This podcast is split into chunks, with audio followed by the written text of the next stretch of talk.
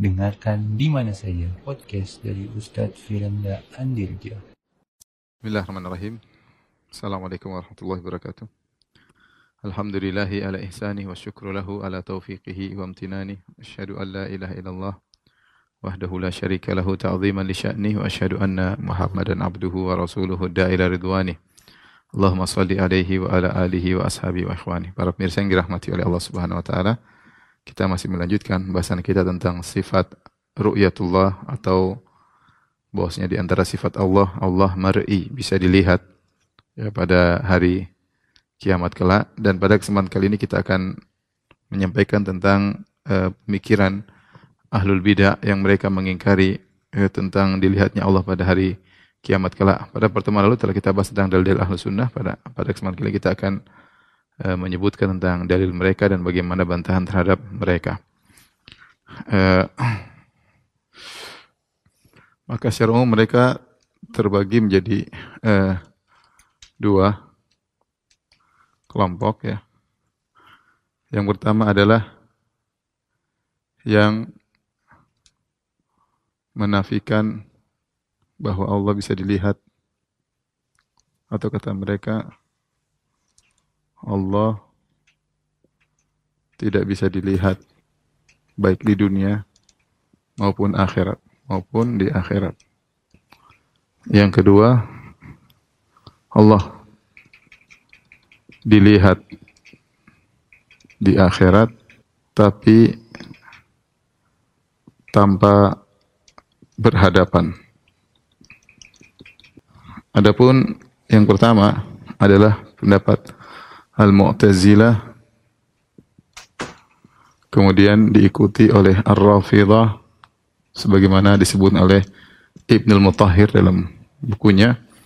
Kemudian diikuti Al-Khawarij ya. Mereka juga uh, menolak Allah bisa dilihat di dunia dan Allah juga tidak bisa dilihat di akhirat. Ya, adapun yang ini adalah pendapat dari Al-Asy'ariyah kemudian dan Al-Maturidiyah. Bulasan Al-Maturidi dalam bukunya juga menyampaikan hal ini. Kita bahas dulu tentang Mu'tazilah. Ya. Maka ada dua hal yang ingin kita bahas. Yang pertama, eh, sebab mereka menolak yang kedua syubhat mereka atau dalil mereka. Adapun sebab penolakan mereka terhadap uh, Allah bisa lihat di akhirat maka ada dua sebab. Yang pertama kata mereka uh, kalau Allah bisa dilihat melazimkan Allah itu jisim dan jisim adalah sifat muhdas atau makhluk. Yang pertama. Yang kedua, uh, kalau kalau Allah dilihat, kalau melihat wajah Allah menimbulkan kelezatan, berarti Allah bisa dicintai. Padahal Allah tidak mencintai dan tidak dicintai. Taib, ini dalil mereka ya bahwasanya jika Allah bisa dilihat melazimkan Allah itu jisim dan jisim adalah sifat muhdaf dan uh, berarti Allah itu makhluk ya. Berarti Allah itu makhluk. Dan tentunya ini tidak benar ya bahwasanya tidak ada kaitannya bahwasanya sesuatu yang dilihat berarti dia makhluk ya. Allah Subhanahu wa taala pernah kita singgung bahwasanya Allah Subhanahu wa taala adalah zat dan zat itu kalau mau dinamakan jisim silakan tapi Allah itu berzat ya. Bentahan ya. Allah itu ada zatnya. Ya. Terserah mau dinamakan mau dinamakan dinamakan jisim jika dinamakan dengan jisim, jisim maka Allah jisim. Adapun kalau maksudnya zat Allah adalah jisim yang seperti daging, seperti manusia, seperti makhluk, maka kita tolak. Tapi Allah adalah zat dan zat, ya itulah sesuatu yang bisa mungkin untuk dilihat ya dan ternyata Allah menyatakan Allah dilihat pada hari kiamat. Justru secara kalau kita pakai logika, bantahan logika ya. Jadi kalau zat tersebut dinamakan jisim oleh Mu'tazilah kita bilang Allah berjisim. Yang kedua logika ya. Ya. Kita melihat ya. Kita melihat hal-hal yang wujud yang wujud berupa warna, berupa benda, banyak yang kita lihat ya.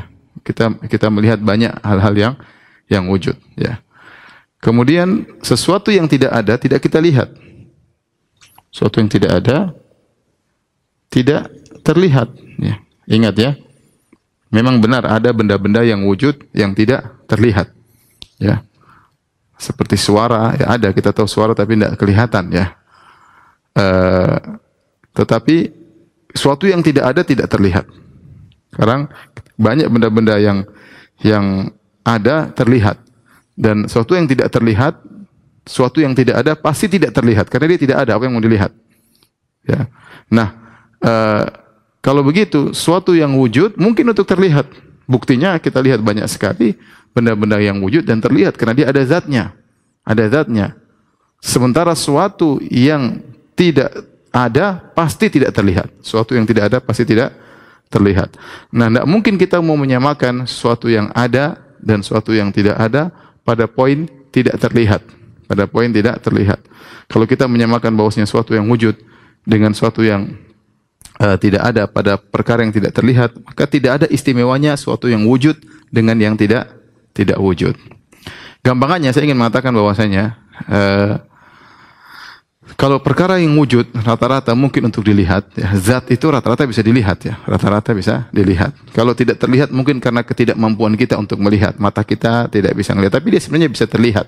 Ya, mau bilang mau kita bilang uh, mikroba, mau kita bilang virus, mau kita bilang jin, sebenarnya bisa terlihat, cuma kita tidak mampu untuk melihat. Tapi kemungkinan untuk dilihat ada karena dia sesuatu yang sesuatu yang wujud. Nah, dan Allah jadi terlihat itu suatu yang uh, sifat sempurna, suatu sifat ke, sempurna yang menunjukkan uh, keberadaan, eksistensi suatu itu dia bisa terlihat. Ya.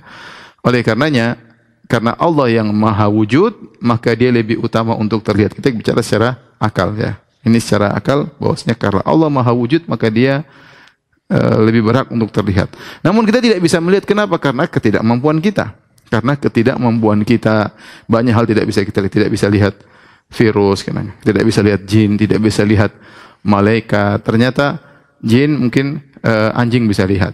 Ternyata malaikat bisa dilihat oleh ayam misalnya. Ya, ayam berkok dalam hadis ya. Eh, demikian juga kita tidak bisa melihat Allah karena ketidakmampuan kita, ya, tidak mampuan kita untuk tapi maksud saya sesuatu yang ada itu mungkin untuk ter, terlihat. Karena Allah Maha ada, Maha wujud, maka kemungkinan dia untuk bisa terlihat semakin besar ya. Bukan sebaliknya dibalik oleh mereka. Justru tidak terlihat adalah kesempurnaan. Ini salah dalam logika berpikir gimana tidak terlihat suatu kesempurnaan kalau gitu oh bedanya dengan kalau gitu sesuatu yang tidak ada semakin sempurna saya ulangi Mu'tazilah punya pemikiran kalau terlihat berarti jism berarti Allah itu sempurna kalau tidak terlihat lah kita bilang bagaimana kita memuji Allah pada sesuatu yang dimiliki oleh sesuatu yang tidak ada bukankah suatu adam al adam maksudnya suatu tidak ada tidak terlihat Apakah kita memuji itu suatu tidak ada? Kenapa? Hebat kenapa? Tidak terlihat loh. Suatu yang tidak tidak ada juga tidak terlihat bagaimana Allah dipuji dari suatu sifat yang dimiliki oleh suatu ketiadaan. Suatu ketiadaan memiliki sifat tidak terlihat. Saya ulangi lagi, Mu'tazilah punya pemahaman di antara kesempurnaan sifat Allah adalah tidak terlihat karena kalau terlihat adalah jism.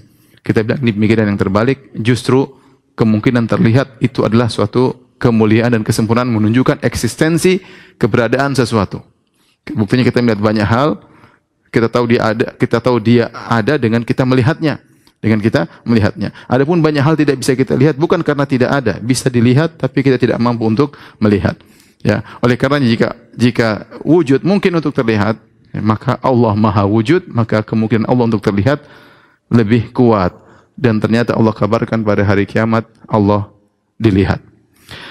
Sebab yang sebab kedua mereka menolak Allah terlihat pada hari kiamat kata mereka karena Melihat wajah Allah dalam hadis-hadis menunjukkan kelezatan dan mereka menolak. Kata mereka Allah tidak mencintai dan Allah tidak bisa di, dicintai. Oleh karenanya seperti pernah kita sampaikan kisah Ja'ad bin Dirham. Ja'ad bin Dirham kenapa di, dibunuh oleh Khalid Al-Qasri? Kenapa? Karena dia mengatakan Inna Allah lam yukallim Musa wa lam yattakhid Ibrahim khalila. Kata mereka, kata Ja'ad bin Dirham, Allah tidak pernah berbicara dengan Nabi Musa. Ya, karena kalau bicara berarti makhluk, berarti ada suara dan macam-macamnya. Dan Allah tidak pernah mencintai Nabi Musa. Kalau berarti kalau Allah mencintai, ya berarti ada sifat manusia, sifat makhluk. Jadi Allah tidak pernah berbicara Nabi Musa dan Allah tidak pernah mencintai Ibrahim alaihissalam. Padahal dalam Al-Quran Allah mengatakan, wa kallamallahu Musa taklima. Allah sungguh berbicara dengan Nabi Musa dan Allah berfirman, wattakhadallahu Ibrahim khalila. Allah menjadikan Ibrahim sebagai kekasihnya.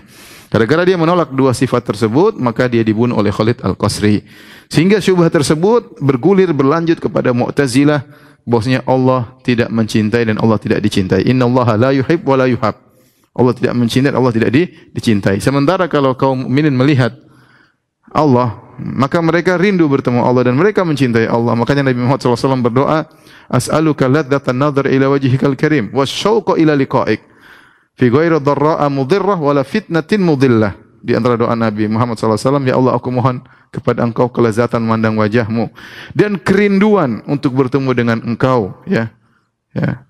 Kerinduan untuk bertemu dengan dengan engkau. Berarti sehingga mereka mengatakan kaum mukminin merasa lezat tatkala memandang wajah Allah berarti ini ada cinta kepada Allah dan ini tidak mungkin sehingga mereka tolak Allah bisa dilihat karena mereka menolak sifat mahabbah dari Allah Subhanahu wa taala. Ini saya ingin sampaikan bahwasanya namanya sifat-sifat Allah ber, berkaitan ya berkaitan.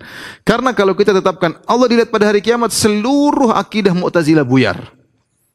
Kenapa? Karena akidah Mu'tazilah Allah tidak punya sifat, Allah tidak bisa terlihat, Allah tidak semuanya buyar. Kalau kita mereka makanya mereka tidak mungkin menetapkan sifat Allah dilihat.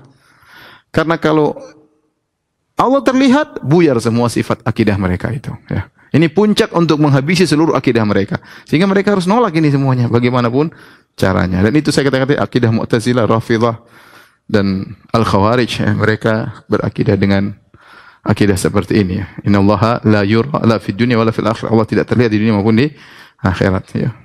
Taib.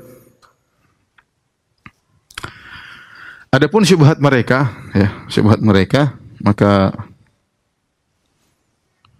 banyak ya. Di antaranya ya.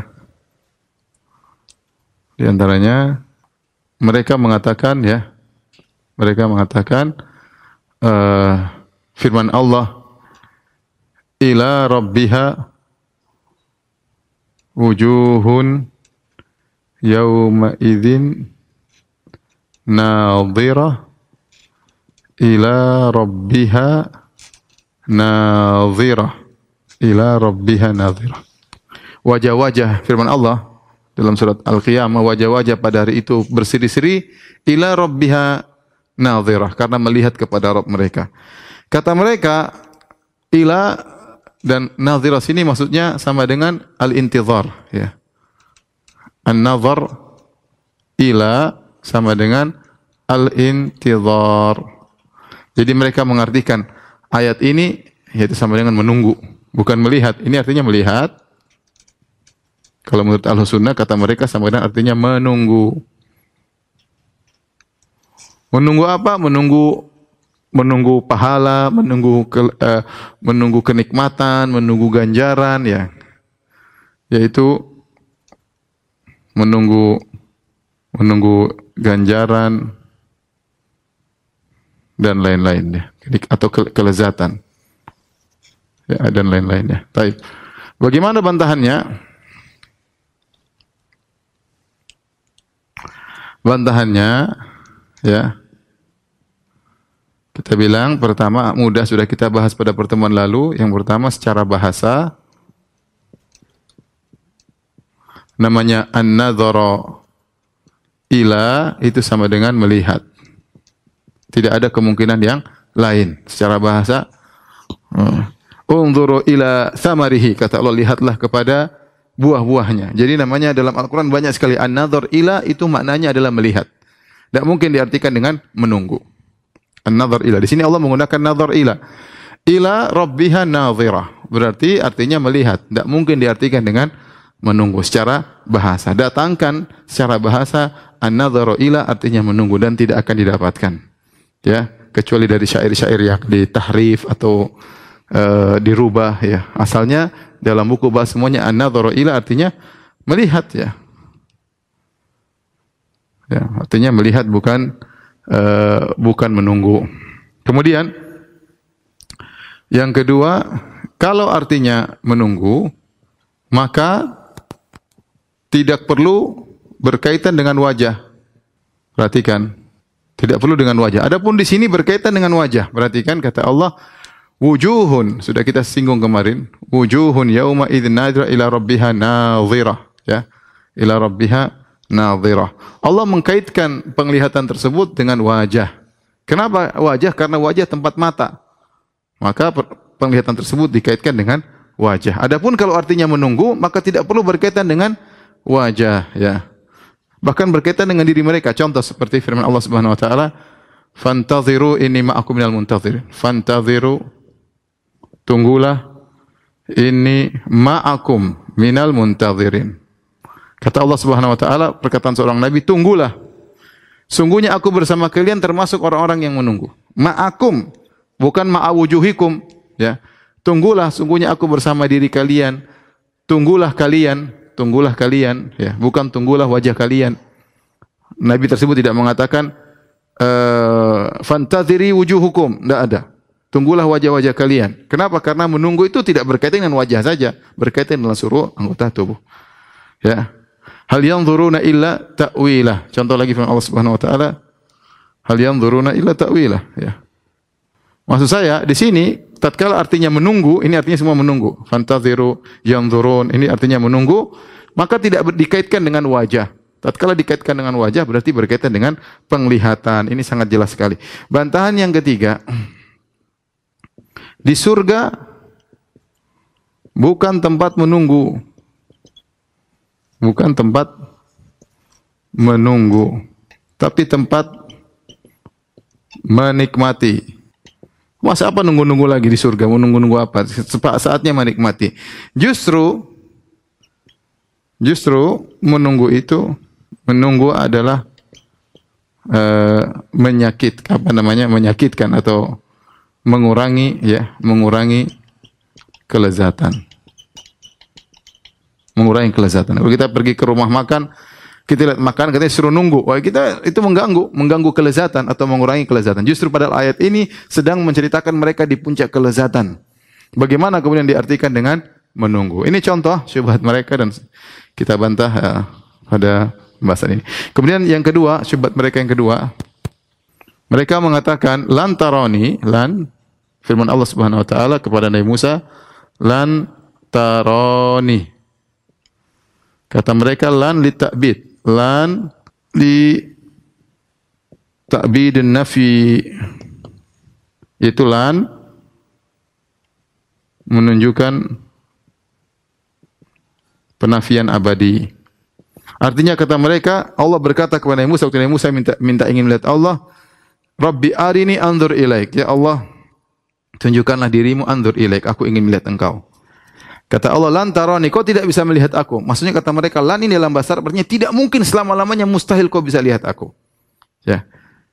Ini menurut mereka. Namun ini dibantah, bantahan. Pertama dikatakan, ya, lan, ya, tidak ada dalam bahasa Arab. Ini, ini uh, lan, lan adalah penafian abadi, lan penafian abadi, merupakan bid'ah bahasa. Karena enggak ada yang mengatakan demikian. Enggak ada. Datangkan uh, dalam kamus-kamus menunjukkan lan, menunjukkan penafian selama-lamanya. Enggak ada. Kecuali yang bikin kamu seorang Mu'tazilah ya. Saya ingatkan, terkadang kita dapati pengertian bahasa dalam kamus ternyata ada pengaruh akidah. Ternyata penulis kamus tersebut orang Mu'tazilah misalnya, ya. Atau memiliki penyimpangan dalam akidah kemudian dimasukkan unsur-unsur akidah dalam kamus bahasa Arab tersebut. Namun lan ya secara bahasa tidak berarti penafian selama-lamanya. Kemudian bantahan yang kedua, Allah berfirman tentang orang-orang Yahudi, kata Allah Subhanahu wa taala, dalam Al-Qur'an walan yatamannauhu abadan bima qaddamat aydihim ya. Ya. Jadi orang Yahudi merasa mereka masuk surga, ya. Maka dikatakan kepada orang Yahudi, mintalah mati kalau kau merasa mati pasti masuk surga, mintalah mati. Apa kata Allah? Walan yatamannahu abadan. Mereka tidak akan minta mati selama-lamanya. Kalau kita artikan lan selama-lamanya abadi, maka perhatikan. Kalau Mu'tazilah mengartikan sini lan artinya penafian abadi.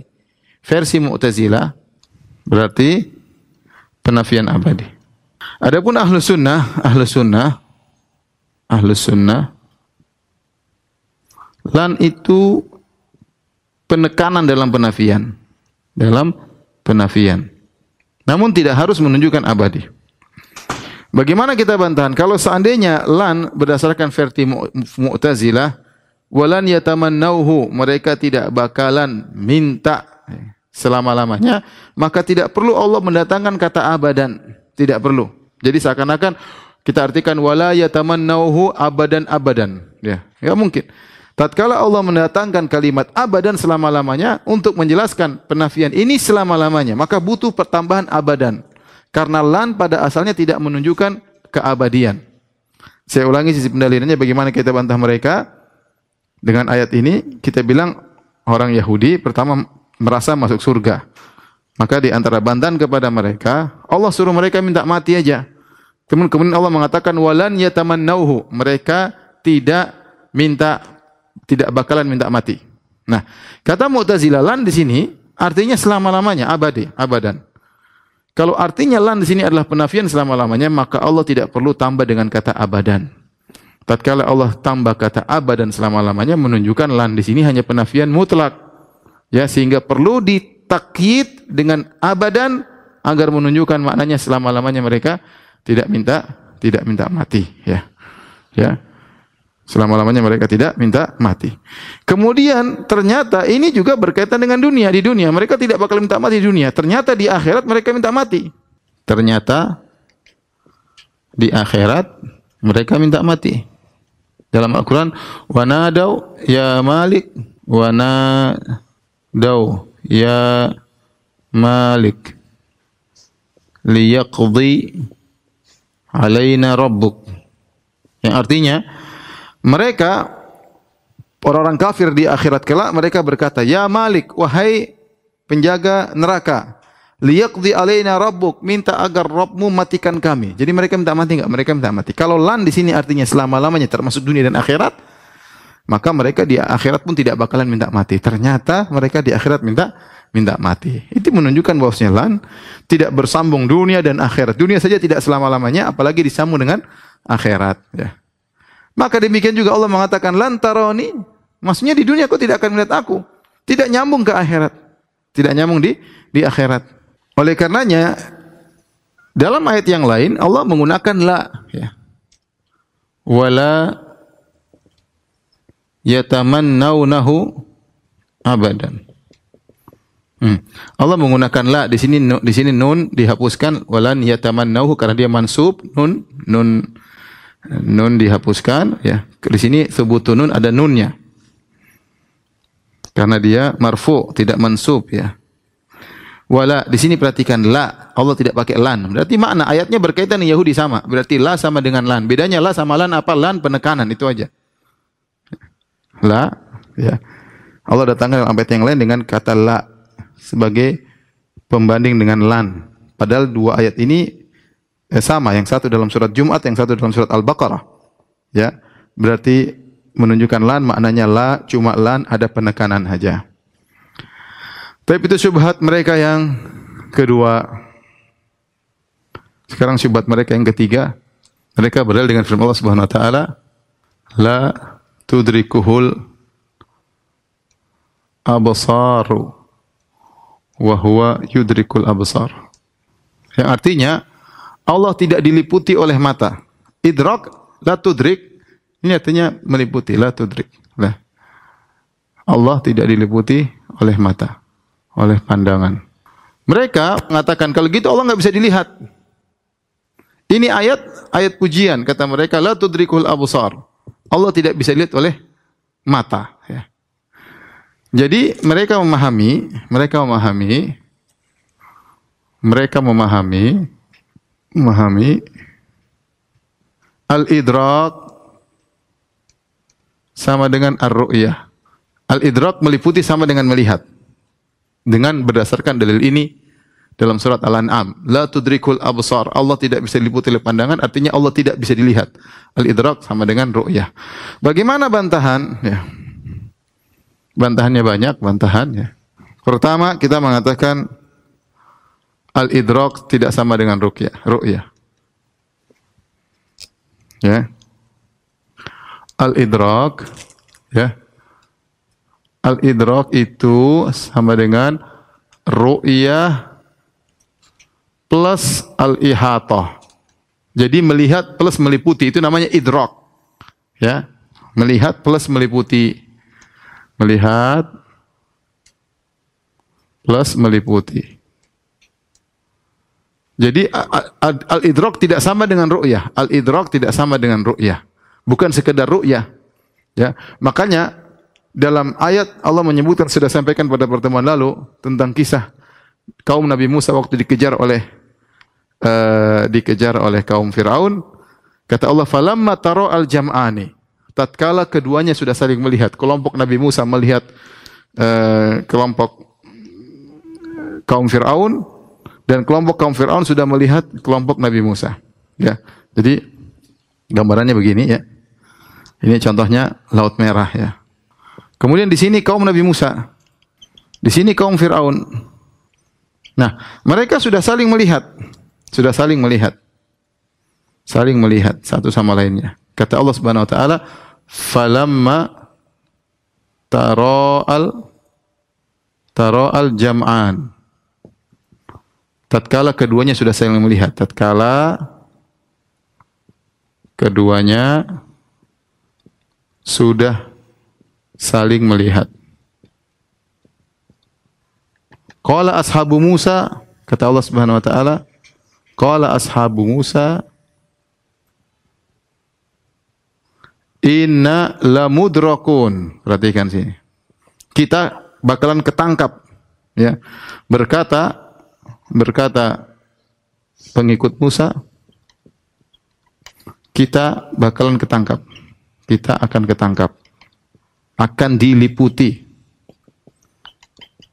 akan diterkejar maksudnya atau tertangkap. Perhatikan di sini.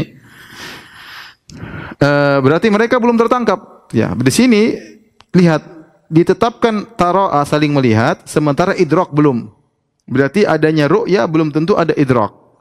Makanya ashabu Musa berkata, kita bakalan diidroki. Lihat sudah, saling melihat sudah. Saling melihat. Berkata kaum Nabi Musa, "Inna lamudrakun, kita bakalan diliputi, bakalan ditangkap." Berarti di sini Allah gabungan antara melihat dengan tidak idrak, belum idrak. Berarti menyatakan ru'yah sama dengan idrak itu tidak benar. Buktinya dalam ayat ini ru'yah tidak melazimkan idrak. Makanya sudah saling melihat tapi belum ketangkap. Makanya kaum Nabi Musa mengatakan kita bakalan ketangkap. Bakalan yuhat bina, bakalan mudrakun akan ditangkap idrak. Sementara mereka mengatakan ru'yah sama dengan idrak. Ini bantahan pertama secara bahasa mereka keliru. Subhanallah padahal orang-orang Mu'tazilah mereka pakar-pakar bahasa, mereka ahli adab, mereka ahli logo, ahli balago, tapi kalau sudah bicara tentang akidah mereka, mereka maksain bahasa.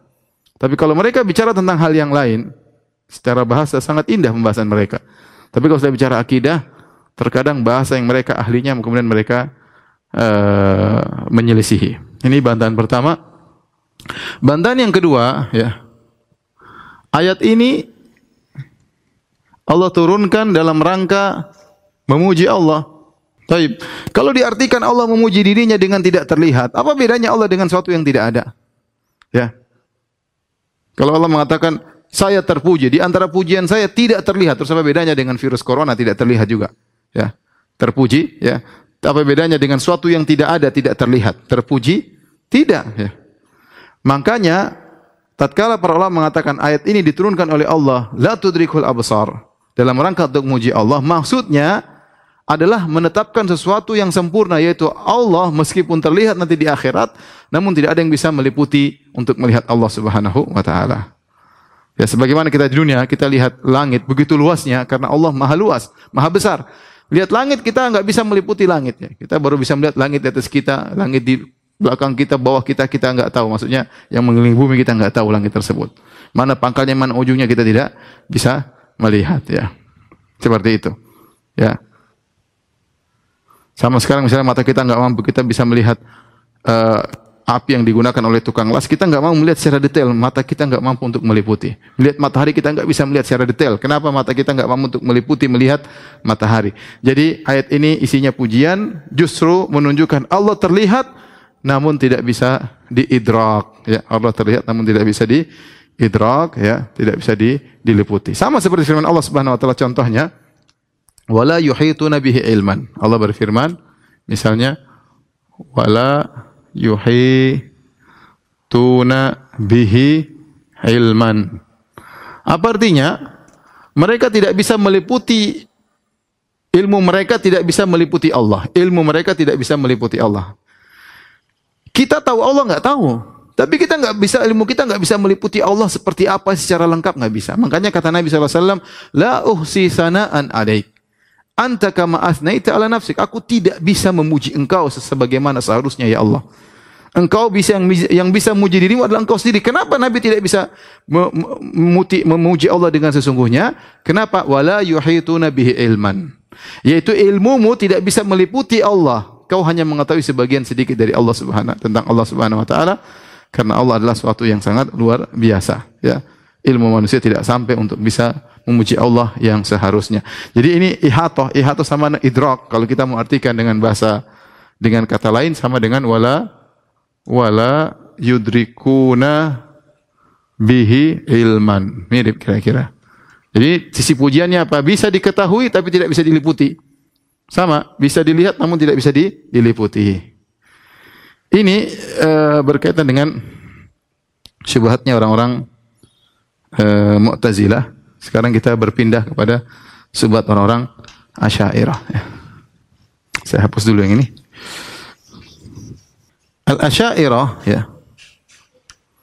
Pada hakikatnya kalau kita mau bagi mereka menjadi dua dalam hal ini, ada dua kelompok. Dua dua mazhab. Yang satu mengatakan Allah dilihat dilihat dengan ru'yah ru'yah basariyah dengan mata. Dan ini mayoritas Asy'ariyah, ini mayoritas Asy'ariyah. Jumhur Asy'ariyah.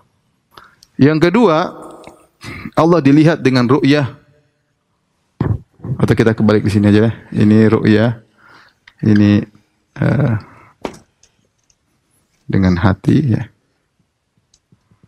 Ru'yah qalbiyah qalbiyah. Ini ini adalah pendapat Al-Ghazali diikuti juga oleh Ar-Razi. Ini yang Asy'ariyah yang pintar-pintar, ya Huzzaqul Asy'ariyah. Ya. Huzzaqul Asy'ariyah yang pintar-pintar. Ya. Adapun yang ini jumhur Asy'ariyah yaitu Allah dilihat dengan ru'ya basariyah. Allah dilihat di akhirat maksudnya dilihat dengan uh, ru'yah uh, basoriyah. Itu dengan mata. Cuma Allah dilihat dengan mata, namun tanpa arah. Namun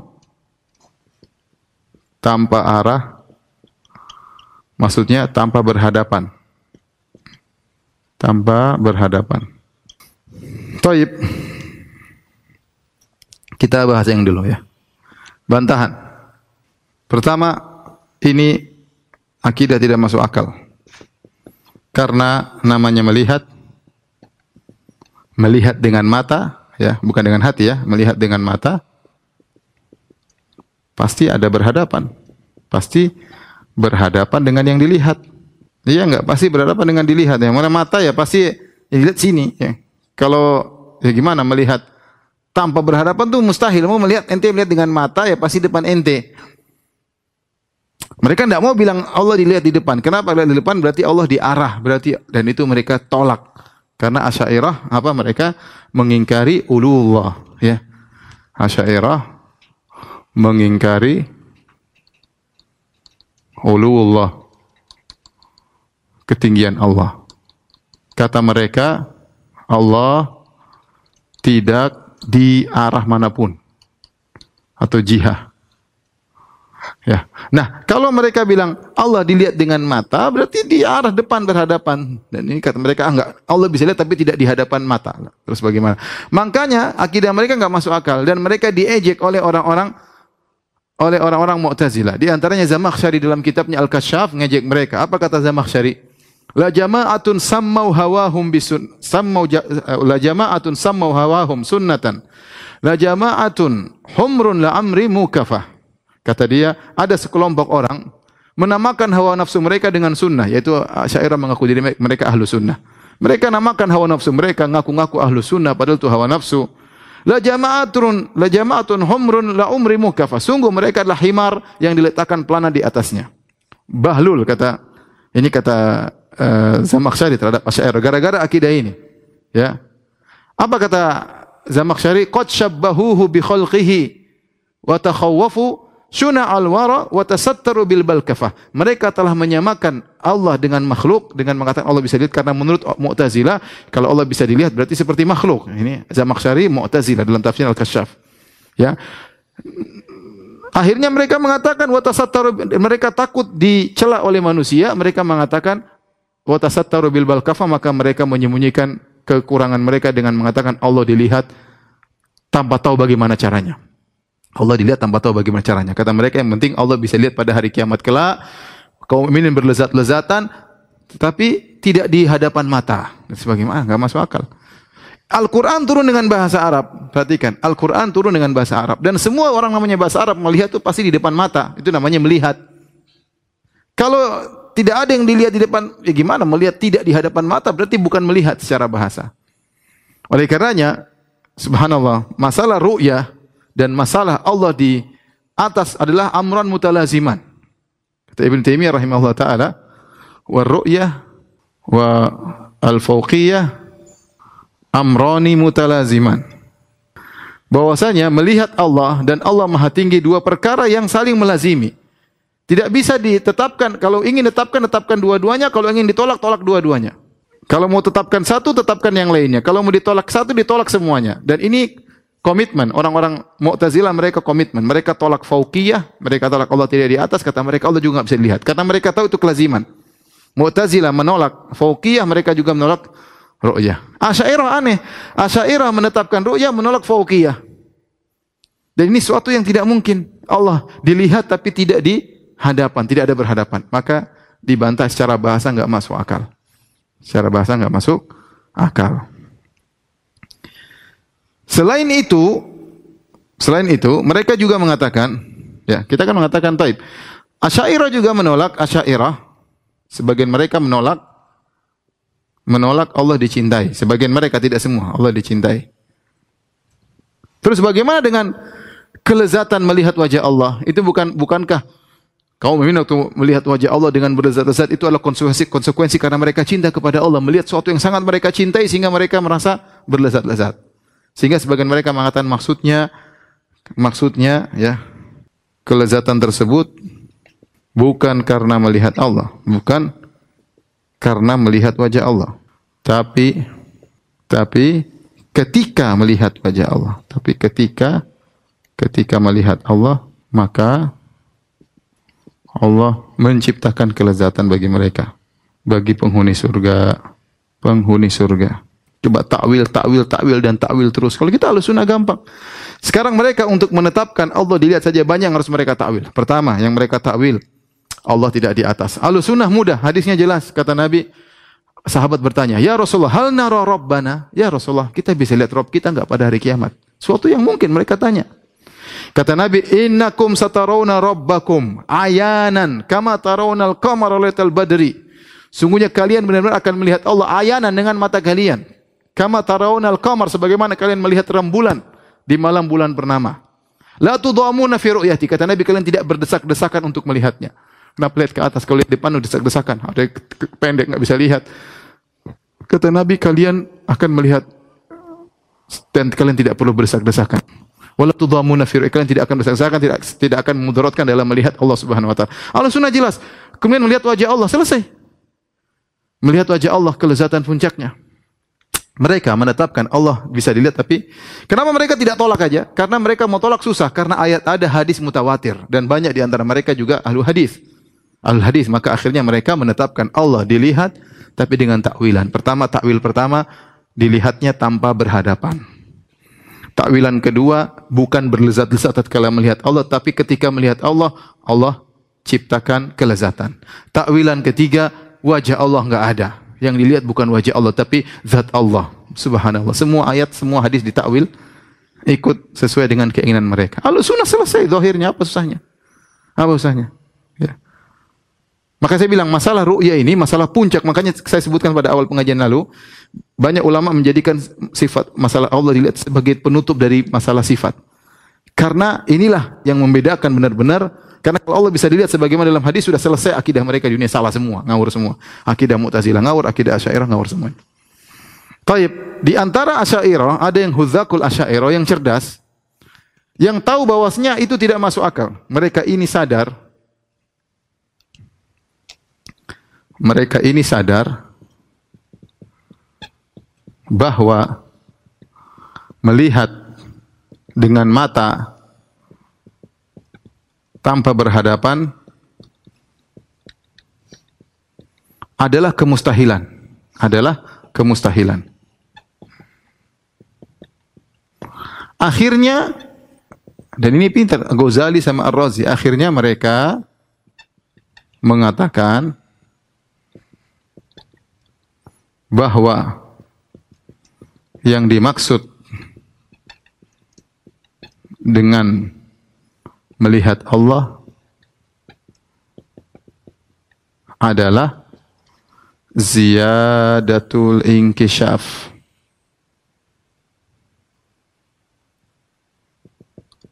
Eh, ziyadatul ilmi billah. Jadi semakin dibuka tersingkap apa itu hakikat Allah atau ziyadatul ilmi billah yaitu semakin tersingkap ilmu tentang Allah. Sehingga melihat sini bukan melihat mata, tapi melihat dengan hati ru'yah qalbiyah. Subhanallah. Mereka ini ternyata ya, kalau menurut pendapat ini berarti mereka sama dengan Mu'tazilah, tidak ada bedanya.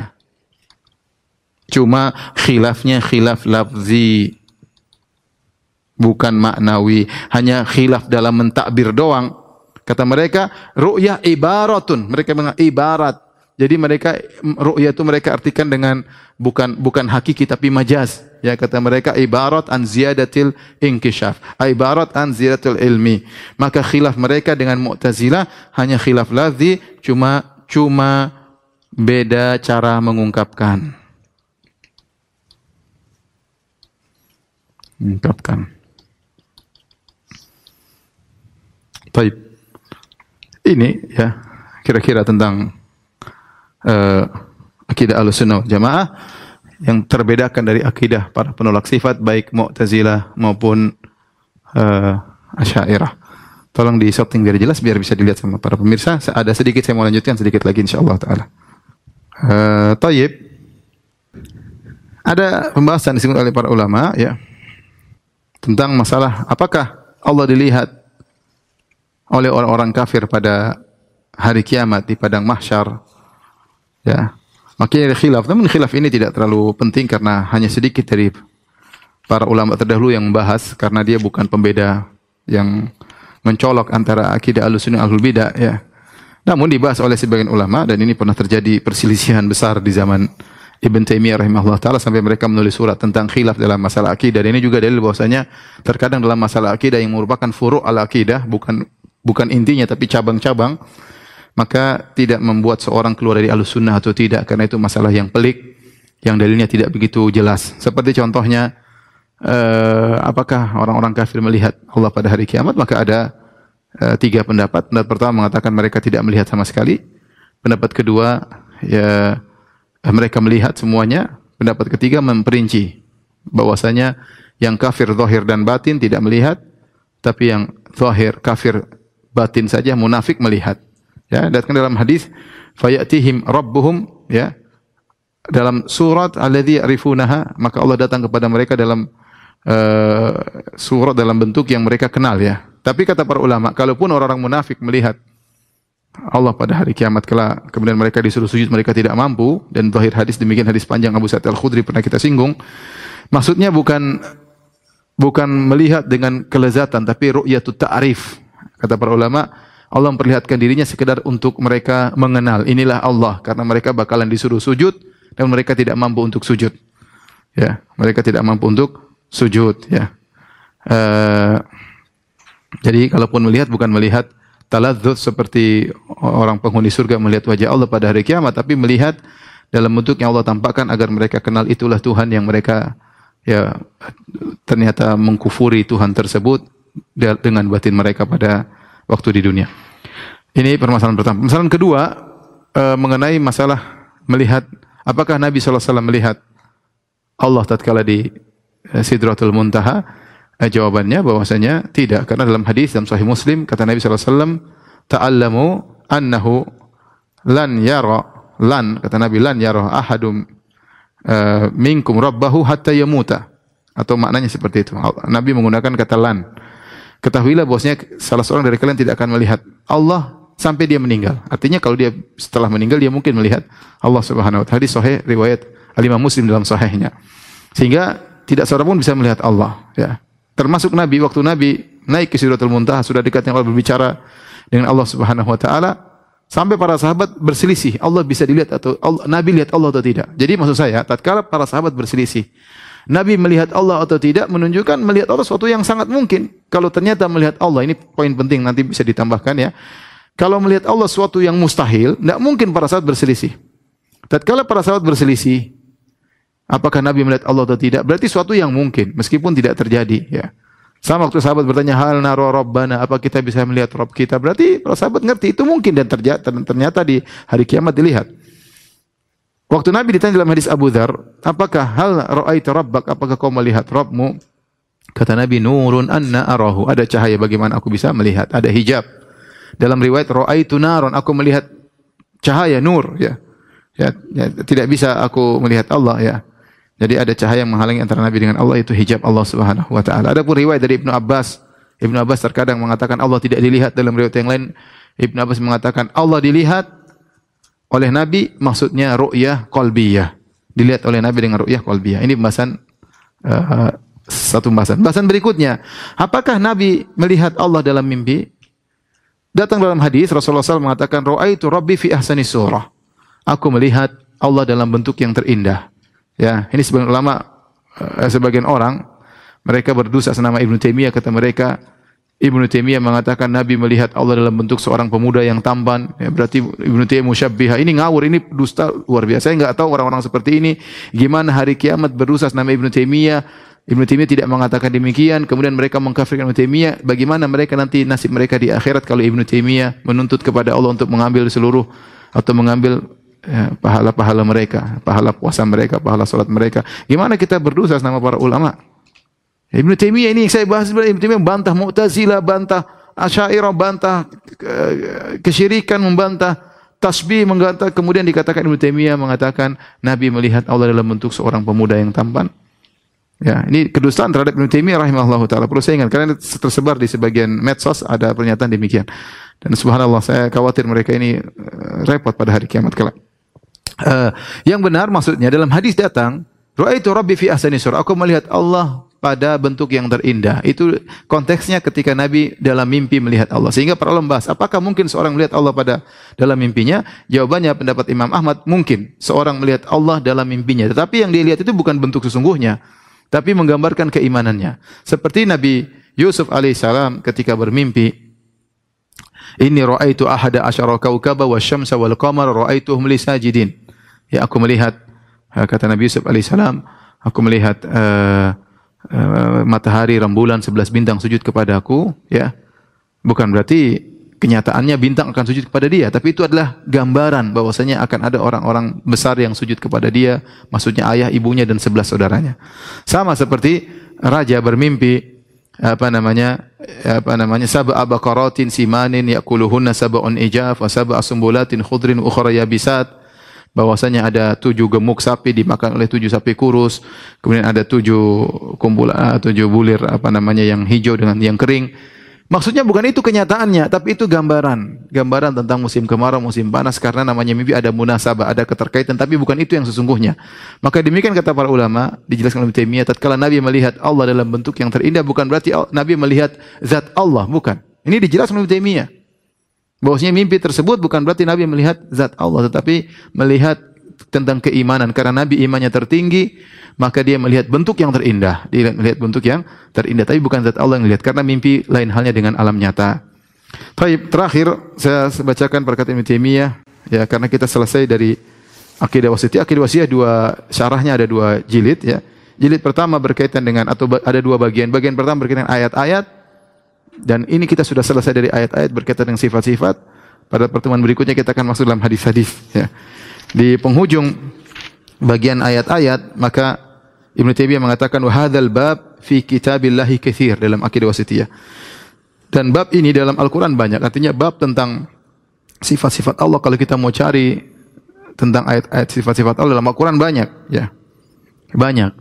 Bukan bukan hanya yang disebut oleh Ibnu Taimiyah tapi banyak sekali. Man tadabbaral Qur'ana taliban lil huda minhu, ya. Tabayyana lahu turuqul haq. Barang siapa yang mentadabburi Al-Qur'an dalam rangka mencari hidayah, maka dia akan nampak jalan kebenaran. Bukan baca Quran untuk mencari takwil. Bukan baca Al-Quran sudah punya akidah baru baca Al-Quran baru mentakwil tidak, tapi dia benar-benar baca Al-Quran tanpa ada tanpa ada background sebelumnya, tanpa ada filsafat sebelumnya, tanpa ada syubhat sebelumnya, dia baca secara normal saja, maka dia akan dapat hidayah. Makanya saya sudah pernah sampaikan dalam sebagian kajian bagaimana waktu Umar bin Khattab radhiyallahu anhu membaca Taurat, lembaran Taurat, Kemudian Nabi marah, "Amutahwikuna anta ya Ibnul Khattab?" Ya. Wahai Umar, apa kau ragu? Ya, artinya jangan cari kebenaran, jangan cari hidayah dari selain Al-Qur'an. Cari hidayah dari Taurat tidak boleh. Kita baca Taurat dalam rangka untuk uh, meneliti, dalam rangka untuk membantah, dalam rangka untuk mencari kesamaan dalam Al-Qur'an boleh, tapi dalam rangka mencari hidayah enggak boleh. Nabi melarang karena Al-Qur'an sudah cukup. Bahkan bahkan Nabi tegur tegur uh, apa namanya Umar bin Khattab bahkan Nabi berkata di akhir hadis lau kana di akhir hadis kata Nabi lau kana Musa hayyan ma wasi'u ila tibai. Kalau Nabi Musa masih hidup dia pasti ikut saya. Ngapain baca Taurat? Ya, dalam rangka mencari hidayah. Maka kalau orang mencari hidayah, apalagi masalah akidah tentang Allah, jangan baca buku filsafat. Ya, cukup kita baca Al-Quran hadis jelas. Apakah kurang penjelasan Allah? Apa kurang penjelasan Nabi SAW? Apakah Nabi tidak fasih? Tidak bisa menjelaskan kepada umatnya? Ya, sehingga kita butuh untuk memahami Al-Quran dan hadis dengan baca ilmu filsafat, baca buku Aristoteles, baca buku Plato yang mereka tidak beragama. Subhanallah bagaimana kita mengkaitkan akidah kita dengan pemikiran Aristoteles dengan pemikiran Plato. Sehingga kita terjebak harus mentakwil berbagai macam takwilan.